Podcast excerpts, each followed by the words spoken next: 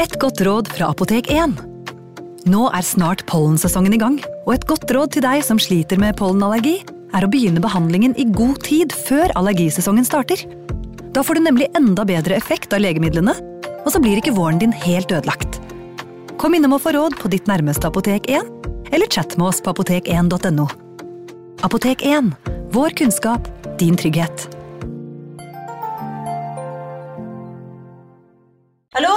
Jeg kommer fra Oslo politikammer. Ine Jansen er purk. Er du purk? The motherfucking bitch. Alt jeg vil, er å finne ut hva som skjedde med mannen min. Jon Carew. Er jeg sikta for noe? Iben Akeli. Det er du. Ole So, Lars Berrum og Big Daddy Karsten. Hvem sin side er du på, egentlig? Anette Hoff, Tone Danielsen, Kommer du fra Afrika? Jørnis Josef, Nesten kløfta. Trond Espen Seim, Det er synd å si det, men det var feil mann som døde. Purk. Premiere tirsdag på TV2 Play. Ungsamtalen fra DNB er økonomisk veiledning tilpasset deg som er ung. Bokk en ungsamtale på dnb.no. slash ung. Det er kjempebra hvis du skal inn på boligmarkedet, hvis det er drømmen din, liksom. Det er det du skulle sagt. Og så kunne du ropt litt mer, da, sånn som jeg gjorde. Bam! Los Angeles har alltid vært drømmenes by. 21 år gamle Elisa Castin var en av de som ville gjøre alt som skulle til for å nå sin drøm. Hun var danser og medlem av dansegruppen LA Knockers. Målet hennes hadde alltid vært å bli profesjonell og kjent for dansingen sin. Men om kvelden den 5. november 1977 var det ikke dansingen hun hadde i tankene. Elisa slet nemlig økonomisk og hadde ikke råd til å følge drømmen sin. Til tross for at hun arbeidet som servitør på en liten kafé, var ikke dette nok til å leve på. Mens hun kjørte hjem fra jobb og parkerte utenfor leiligheten sin, tenkte hun at hun muligens kunne se seg om etter noe annet. Hun var så distrahert av denne tanken at hun ikke la merke til bilen som stanset rett bak hennes langs veien. To menn steg ut, og den yngste av dem knakket på ruten hennes. Da hun rullet ned, viste mannen frem et politiskilt og ba om å få se identifikasjon. Forvirret ga Elisa mannen førerkortet sitt, som han ga videre til den andre mannen. Mens den eldre undersøkte førerkortet, fortalte den yngre mannen at en bil som passet beskrivelsen av hennes bil, var blitt benyttet under et ran kvelden i forveien. De ba henne komme ut av bilen og bli med inn til politistasjonen slik at hun kunne avhøres.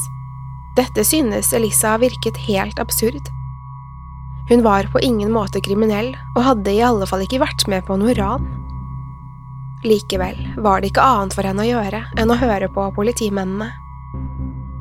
Idet hun klatret inn i baksetet på mennenes bil, hadde hun ingen anelse om at dansedrømmen hennes var i ferd med å ryke for godt. Hun hadde nemlig satt seg i bilen til Los Angeles' mest brutale seriemordere, Kenneth Bianchi og Angelo Buono, også kjent som The Hillside Stranglers. Velkommen til True Crime Podden.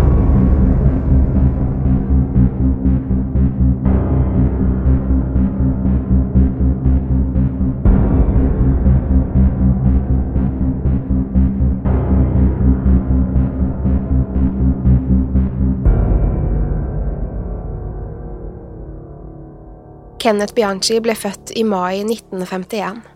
Moren hans var veldig ung da hun ble gravid og slet med alkoholproblemer. For å finansiere forbruket måtte hun ty til prostitusjon. Det var ikke lett å kombinere arbeidet med oppdragelsen av et barn. Derfor ble Kenneth adoptert bort like før han var fire måneder gammel. Han flyttet da inn hos familien Bianchi. Her vokste han opp som enebarn i byen Rochester i New York. Kenneth viste tidlige tegn på sosiale avvik. Adoptivmoren skal ha beskrevet han som en lystløgner som hadde vondt for å takle motgang. Han skal også ha hatt en tendens til å få noe som minnet om epileptiske anfall. Under anfallene rullet øynene hans tilbake i skallen, og han var umulig å få kontakt med. Kenneth var også sengeveter, noe som plaget han enormt.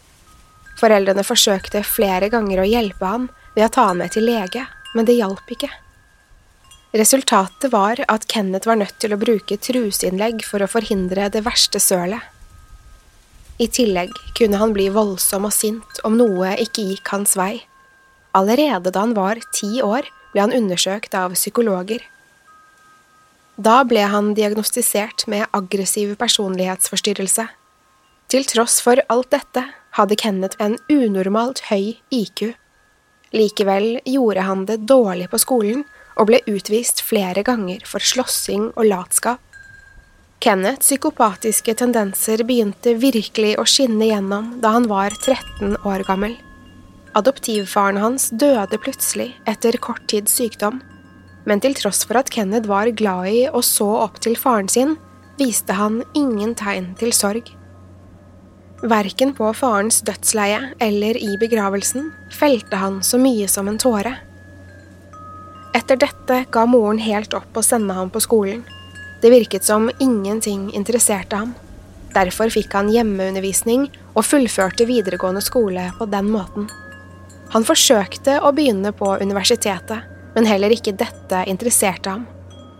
Da han ble voksen, tok han seg derfor en rekke strøjobber. En av disse var som sikkerhetsvakt ved en lokal smykkebutikk. Det var her han begynte sin kriminelle karriere.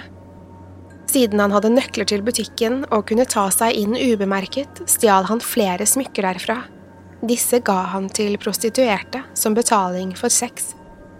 Tidlig på 70-tallet fikk Kenneth god kontakt med og et nært forhold til fetteren sin, Angelo Buono. Angelo var 16 år eldre enn Kenneth og hadde også vokst opp i Rochester. Han hadde vært aktiv i det kriminelle miljøet lenge og hadde vært innblandet i blant annet biltyveri, ran, overfall og voldtekter. Kenneth så veldig opp til fetteren sin. Det var spesielt fordi Angelo virket til å være så populær blant kvinner. I tillegg hadde Angelo fine klær og flotte smykker. Da Angelo flyttet til Los Angeles i 1976, fulgte Kenneth etter. De flyttet sammen og fortsatte med småkriminalitet. I leiligheten deres bodde det også to unge jenter, Sabra Hanan og Becky Spears. Jentene hadde rømt hjemmefra, og Angelo hadde latt dem få bo hos seg. I begynnelsen hadde Angelo virket snill og omtenksom, men i virkeligheten brukte han dette som et skalkeskjul for å få full kontroll over dem. Først brukte han jentene som han ville, og holdt dem nærmest som sexslaver.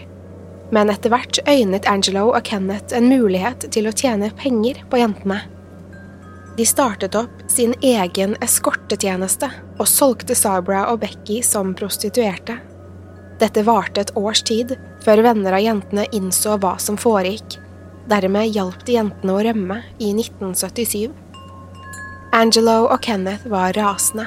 De hadde mistet sin beste inntektskilde og var nødt til å finne nye jenter.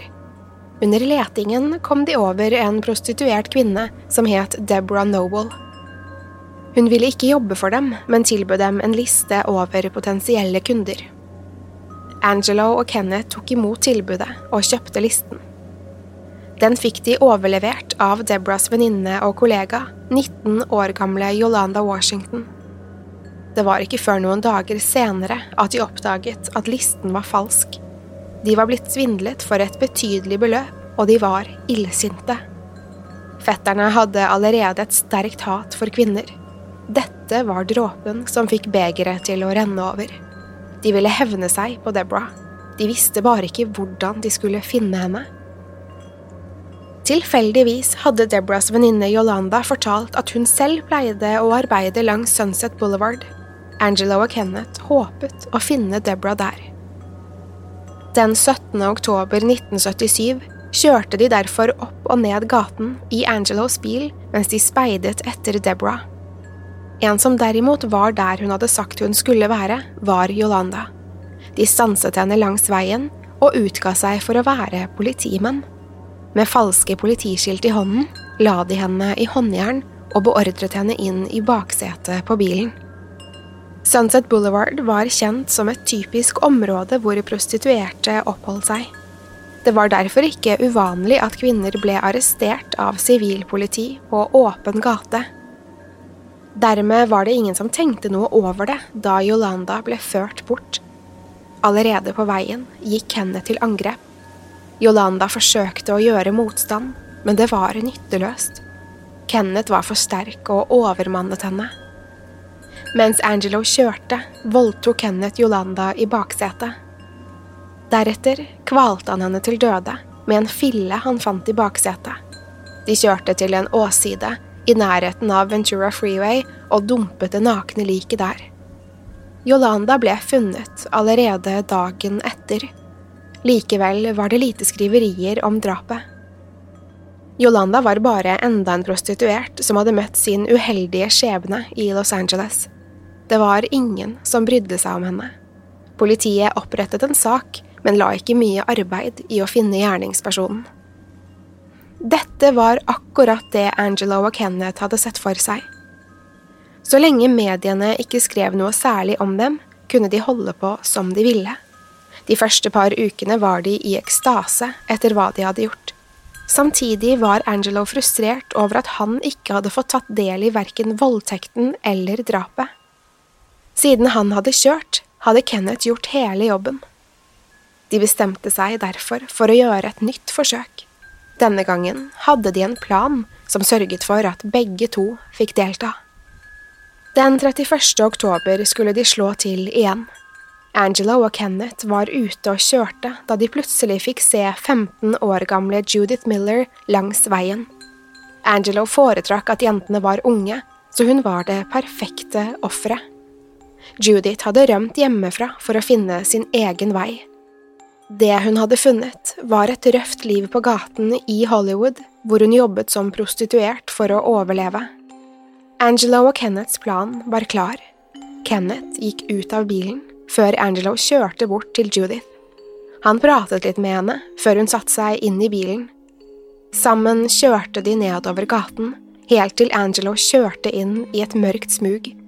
Som planlagt dukket Kenneth opp. Her viste de frem politiskiltene sine og påsto at de var der for å arrestere henne. De la jenta i håndjern og kjørte henne hjem til leiligheten sin.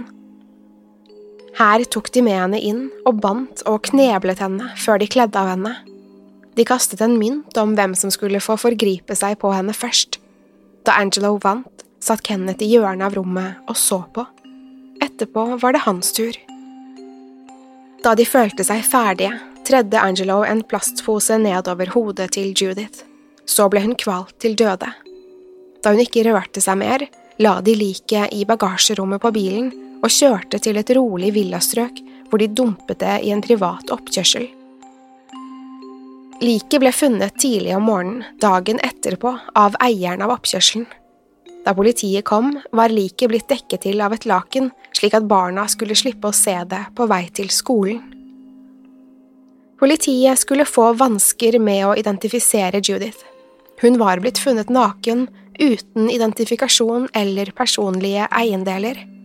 Det var heller ingen som hadde meldt en jente med hennes utseende savnet. Heller ikke denne saken fikk spesielt stor mediedekning.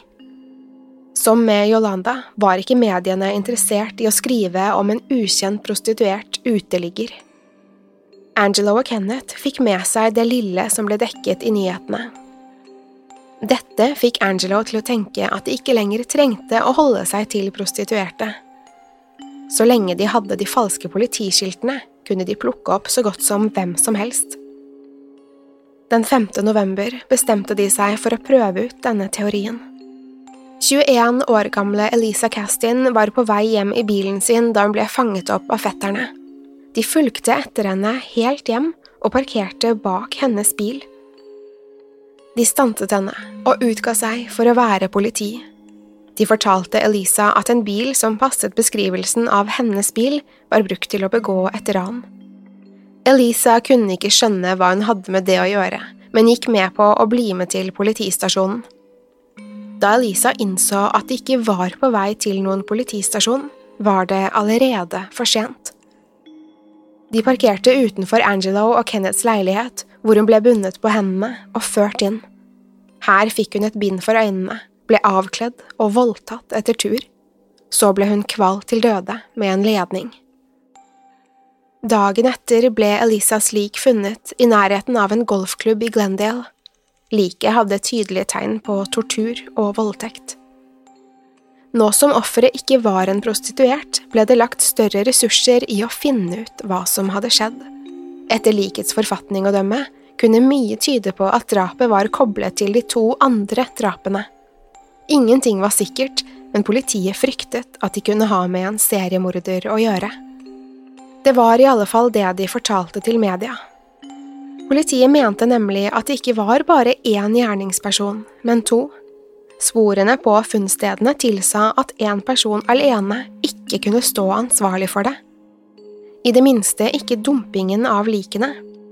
Denne informasjonen holdt politiet riktignok for seg selv. De ønsket å holde noen kort tett til brystet, slik at de kunne ha et overtak på gjerningspersonene. Samtidig som politiet begynte etterforskningen, fant Angelo og Kenneth sitt neste offer. Den 9. november kom de over 28 år gamle Jane King. Jane var en vakker, blond kvinne som var i Hollywood for å leve ut skuespillerdrømmen. Hun så en del yngre ut enn det hun var, og derfor stanset fetterne ved busstoppet der hun satt. Denne gangen var det Kenneth som tok kontakt med henne først. Han smilte mens han satte seg ved siden av henne. Både han og Angelo hadde en sjarm som var vanskelig å stå imot, og snart kom de i snakk med hverandre. Mens Jane fortalte om planene sine for å bli skuespiller, stanset Angelo bilen sin foran dem. Han spurte om de trengte skyss noe sted, og Kenneth svarte ja med det samme. Jane var først litt skeptisk, men da Angelo viste frem det falske politiskiltet, senket hun skuldrene og ble med. Til tross for at Jane forsøkte å peke dem i retning av dit hun skulle, kjørte Angelo rett hjem til leiligheten. De kneblet og bandt henne, og førte henne inn hvor de byttet på å mishandle og voldta henne. Mens Kenneth forgrep seg på Jane, bestemte Angelo seg for å ta livet av henne. Han pakket en plastpose rundt ansiktet hennes og holdt den der til hun ikke lenger beveget seg. Senere på natten dumpet de liket i en busk ved en av avkjøringene til Golden State Freeway. Men fetterne var ikke ferdige enda. Selv om Jane hadde sett ung ut, var hun ikke i nærheten av så ung som Angelo foretrakk at jentene skulle være. Nå ville de finne noen som var yngre, og helst en jomfru. Tre dager etter drapet på Jane var Angelo og Kenneth ute igjen. Denne gangen fikk de se tolv år gamle Dolores Tepida og 14 år gamle Sonja Johnson. Jentene gikk på en buss, og Angelo og Kenneth fulgte etter i bilen sin. Da Dolores og Sonja gikk av, en liten stund senere, ble de møtt av fetterne. Nok en gang hadde de funnet frem politiskiltene sine denne gangen fortalte de jentene at det hadde vært en rekke innbrudd i nabolaget, og at det var farlig å gå alene. Spesielt for to unge jenter. Dolores og Sonja stolte på fetterne med det samme. De hadde ingen grunn til å tro at de fikk servert en løgn. Angelo og Kenneth tilbød å kjøre jentene hjem, og de takket ja. Men jentene kom aldri hjem. I stedet ble de kjørt til fetternes leilighet, hvor de ble voldtatt og drept akkurat som de tidligere ofrene. Senere ble de dumpet på en søppelplass i utkanten av byen. Bare dager senere, den 19. november, skulle Kenneth og Angelo finne sitt neste offer. Denne gangen ville de se om det fantes noen å plukke opp langs Sunset Boulevard. De ville ha et lett bytte etter drapet på de to skolejentene, et som ikke tiltrakk seg for mye oppmerksomhet. En prostituert kvinne ville være det perfekte offer. Men da de kom dit, fikk de se at politiet patruljerte langs hele gaten i et forsøk på å plukke opp seriemorderne. Fetterne bestemte seg derfor for å gå for noen de kjente i stedet, noen de mente fortjente det mer enn en tilfeldig prostituert. Den de valgte, var 20 år gamle Christina Weckler. Christina hadde vært naboen til Angelo en periode og hadde avvist han flere ganger. Nå skulle hun få betale for det. Den kvelden banket Kenneth på Christinas dør og utga seg for å være politimann. Han fortalte at han hadde patruljert gaten og tilfeldigvis sett at bilen hennes hadde en bulk. Han sa det kunne se ut som om noen hadde truffet den med sin bil. Christina visste at hun ikke hadde hatt noen bulk tidligere på dagen, så hun ble med ut. Da hun oppdaget at det slett ikke var noen bulk i bilen hennes, var fetterne allerede over henne. De tvang henne inn i bilen sin og kjørte av sted til Angelos leilighet. Her byttet de på å voldta den livredde jenta, før de begynte å diskutere hvordan de skulle ta livet av henne. Angelo hadde et personlig oppgjør med henne og ville sørge for at hennes død ble ekstra smertefull. I stedet for å kvele henne bestemte de seg for å injisere henne med vindusspray i årene. Christina vred seg i smerte mens vaskemiddelet fløt gjennom årene hennes, men hun døde fremdeles ikke. Til slutt fikk Angelo nok og tredde en plastpose over hodet hennes i stedet, slik at hun ble kvalt til døde. Også Christinas lik ble dumpet i en åside like utenfor byen. Her ble hun funnet, naken og forslått av turgåere morgenen etter. Den samme dagen ble også likene av tolv år gamle Dolores Cepeda og 14 år gamle Sonja Johnson funnet på søppelplassen av en ni år gammel gutt. Nå kunne ikke politiet vente lenger. Presset fra byens befolkning var enormt. Det ble derfor opprettet en arbeidsgruppe bestående av 22 etterforskere fra Los Angeles Sheriff's Department, LAPD og Glendale Sheriff's Department. Disse skulle arbeide eksklusivt med saken. Allerede dagen etter at arbeidsgruppen ble annonsert, ble også liket av 28 år gamle Jane King funnet. Det oppsto panikk blant Los Angeles' befolkning. I løpet av tre dager hadde fire lik blitt funnet. Alle bar de samme skadene og så ut som de var ofre av den samme gjerningspersonen. Nå ble mediene veldig interessert i saken og skrev side opp og side ned om morderen de døpte The Hillside Strangler. Navnet var et resultat av drapsmetoden og at ofrene var funnet i åsidene rundt Los Angeles. Men flere av politiets hemmelige planer ble også lekket for mediene, som slukte dem hele og skrev om dem i avisene. Dette gjorde det mye enklere for Kenneth og Angelo å unngå politiet. De fulgte nemlig nyhetsbildet nøye for å følge med på hva politiet visste. En detalj som ble lekket, var at sivilpoliti patruljerte flere av de største gatene i byen på jakt etter morderne.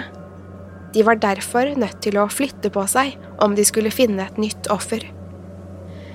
Om kvelden den 28. november kjørte de derfor nordøstover, mot San Fernando Valley. Idet de passerte en donutbutikk, kom en ung kvinne ut. 18 år gamle Lauren Wagner spaserte over parkeringsplassen og satte seg inn i bilen. Da hun kjørte av gårde, rullet Angelo og Kenneth etter. De fulgte etter henne helt hjem til huset, der hun bodde sammen med familien sin. Da Lauren parkerte, stanset de bilen rett bak henne og stoppet henne før hun rakk å gå inn i huset. Igjen viste de frem politiskiltene sine og sa hun måtte følge med til politistasjonen. Lauren hadde ingen grunn til å tro fetterne ikke var politimenn, men ville gjerne få si fra til faren sin om hva som foregikk. Dette kunne ikke Angela og Kenneth ha noe av, og de kastet seg over Lauren. De holdt henne fast og plasserte henne i baksetet på bilen sin. Mens de kjørte av gårde, begynte det å gå opp for Lauren hvem de to mennene virkelig var. Hun hadde sett nyhetssendingene og hørt om The Hillside Strangler. Nå var hun i ferd med å bli den neste i rekken av ofre. I et forsøk på å slippe unna i live prøvde hun å være så samarbeidsvillig som mulig. Hun tenkte at om hun bare ga dem det de ville ha, så ville de kanskje la henne gå uskadet. Lauren sa at hun elsket å ha sex, og at hun ville være med dem. Men tross for at Angela og Kenneth satte pris på Laurens samarbeidsvilje, var det ikke bare sex de var ute etter. Dagen etter ble Laurens lik funnet i en åside i nærheten av Mount Washington. Hun bar tydelige tegn på voldtekt og mishandling og var blitt kvalt til døde. En kvinne som bodde over gaten for Laurens familie, hadde sett bortføringen.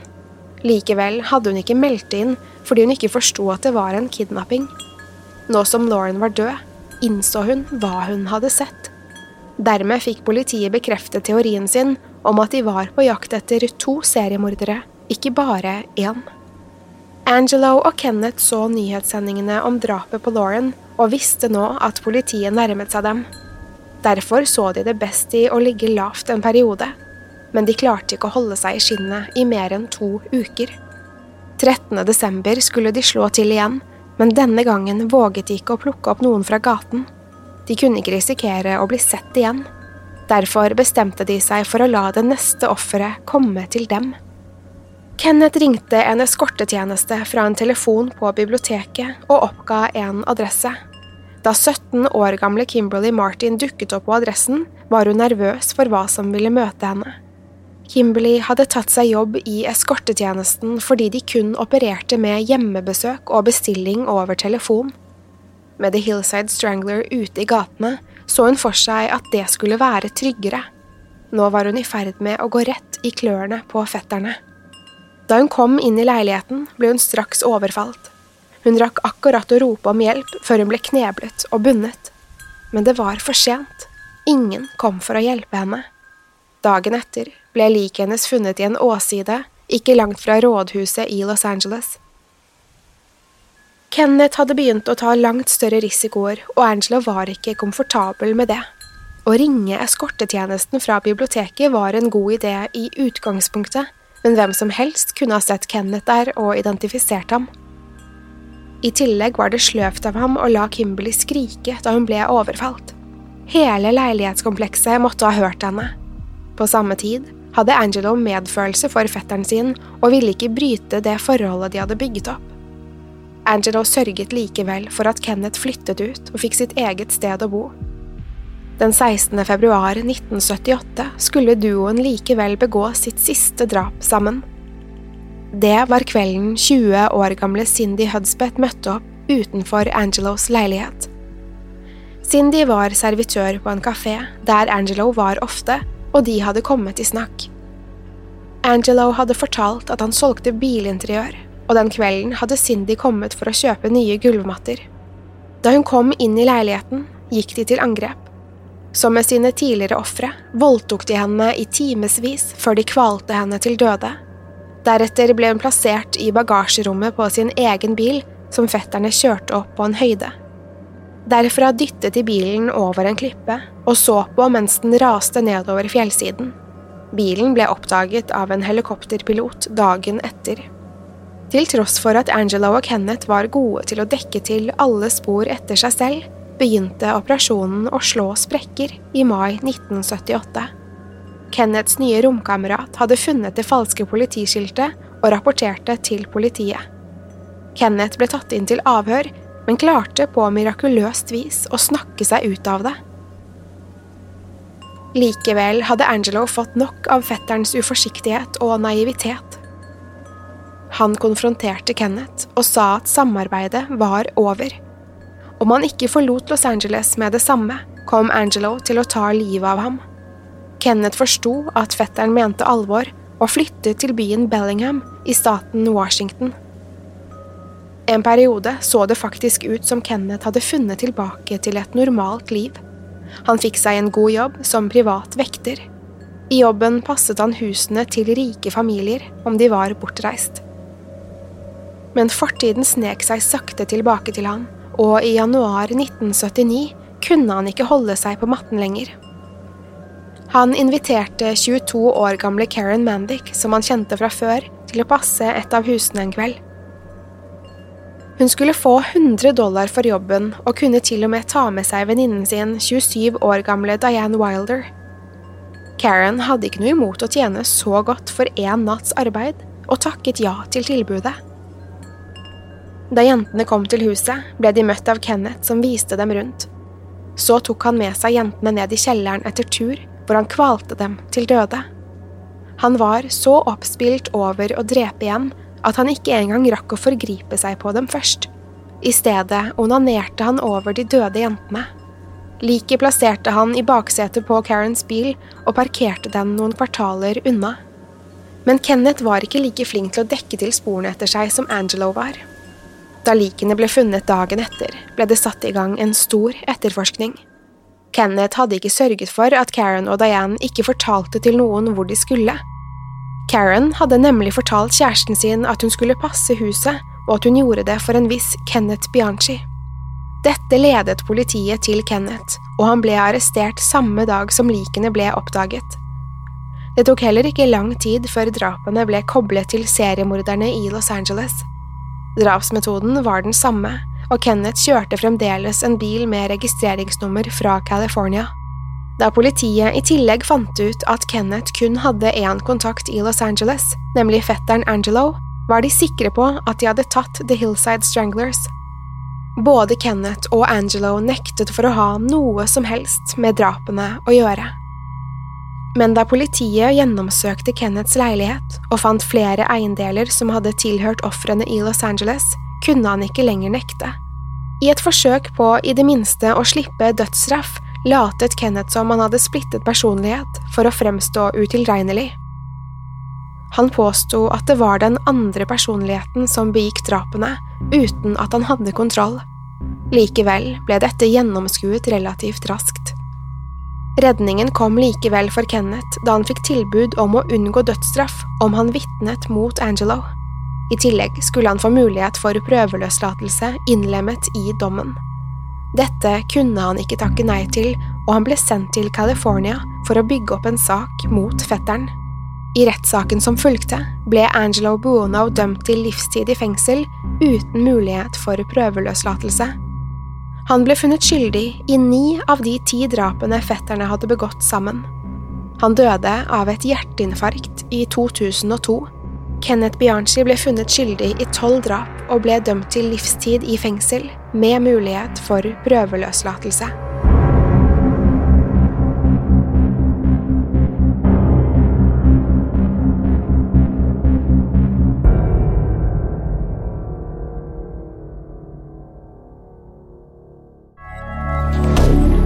Moderne media. Har du et enkeltpersonforetak eller en liten bedrift? Da er du sikkert lei av å høre meg snakke om hvor enkelt det er med kvitteringer og bilag i fiken, så vi eh, gir oss her, vi. Fordi vi liker enkelt. Fiken superenkelt regnskap. Hei! Takk for at du lytter til True Crime Podden. Skulle du ønske at du kunne høre en ny episode av denne podkasten hver eneste uke? Vel, da er det bare å laste ned podkastappen Untold med en gang. I tillegg til ukentlige episoder av podkaster som Skrekkpodden, Synderne og Henrettelsespodden, får du masse annet reklamefritt og eksklusivt innhold. Last ned Untold i AppStore eller Google Play, og start din 30 dagers prøveperiode i dag.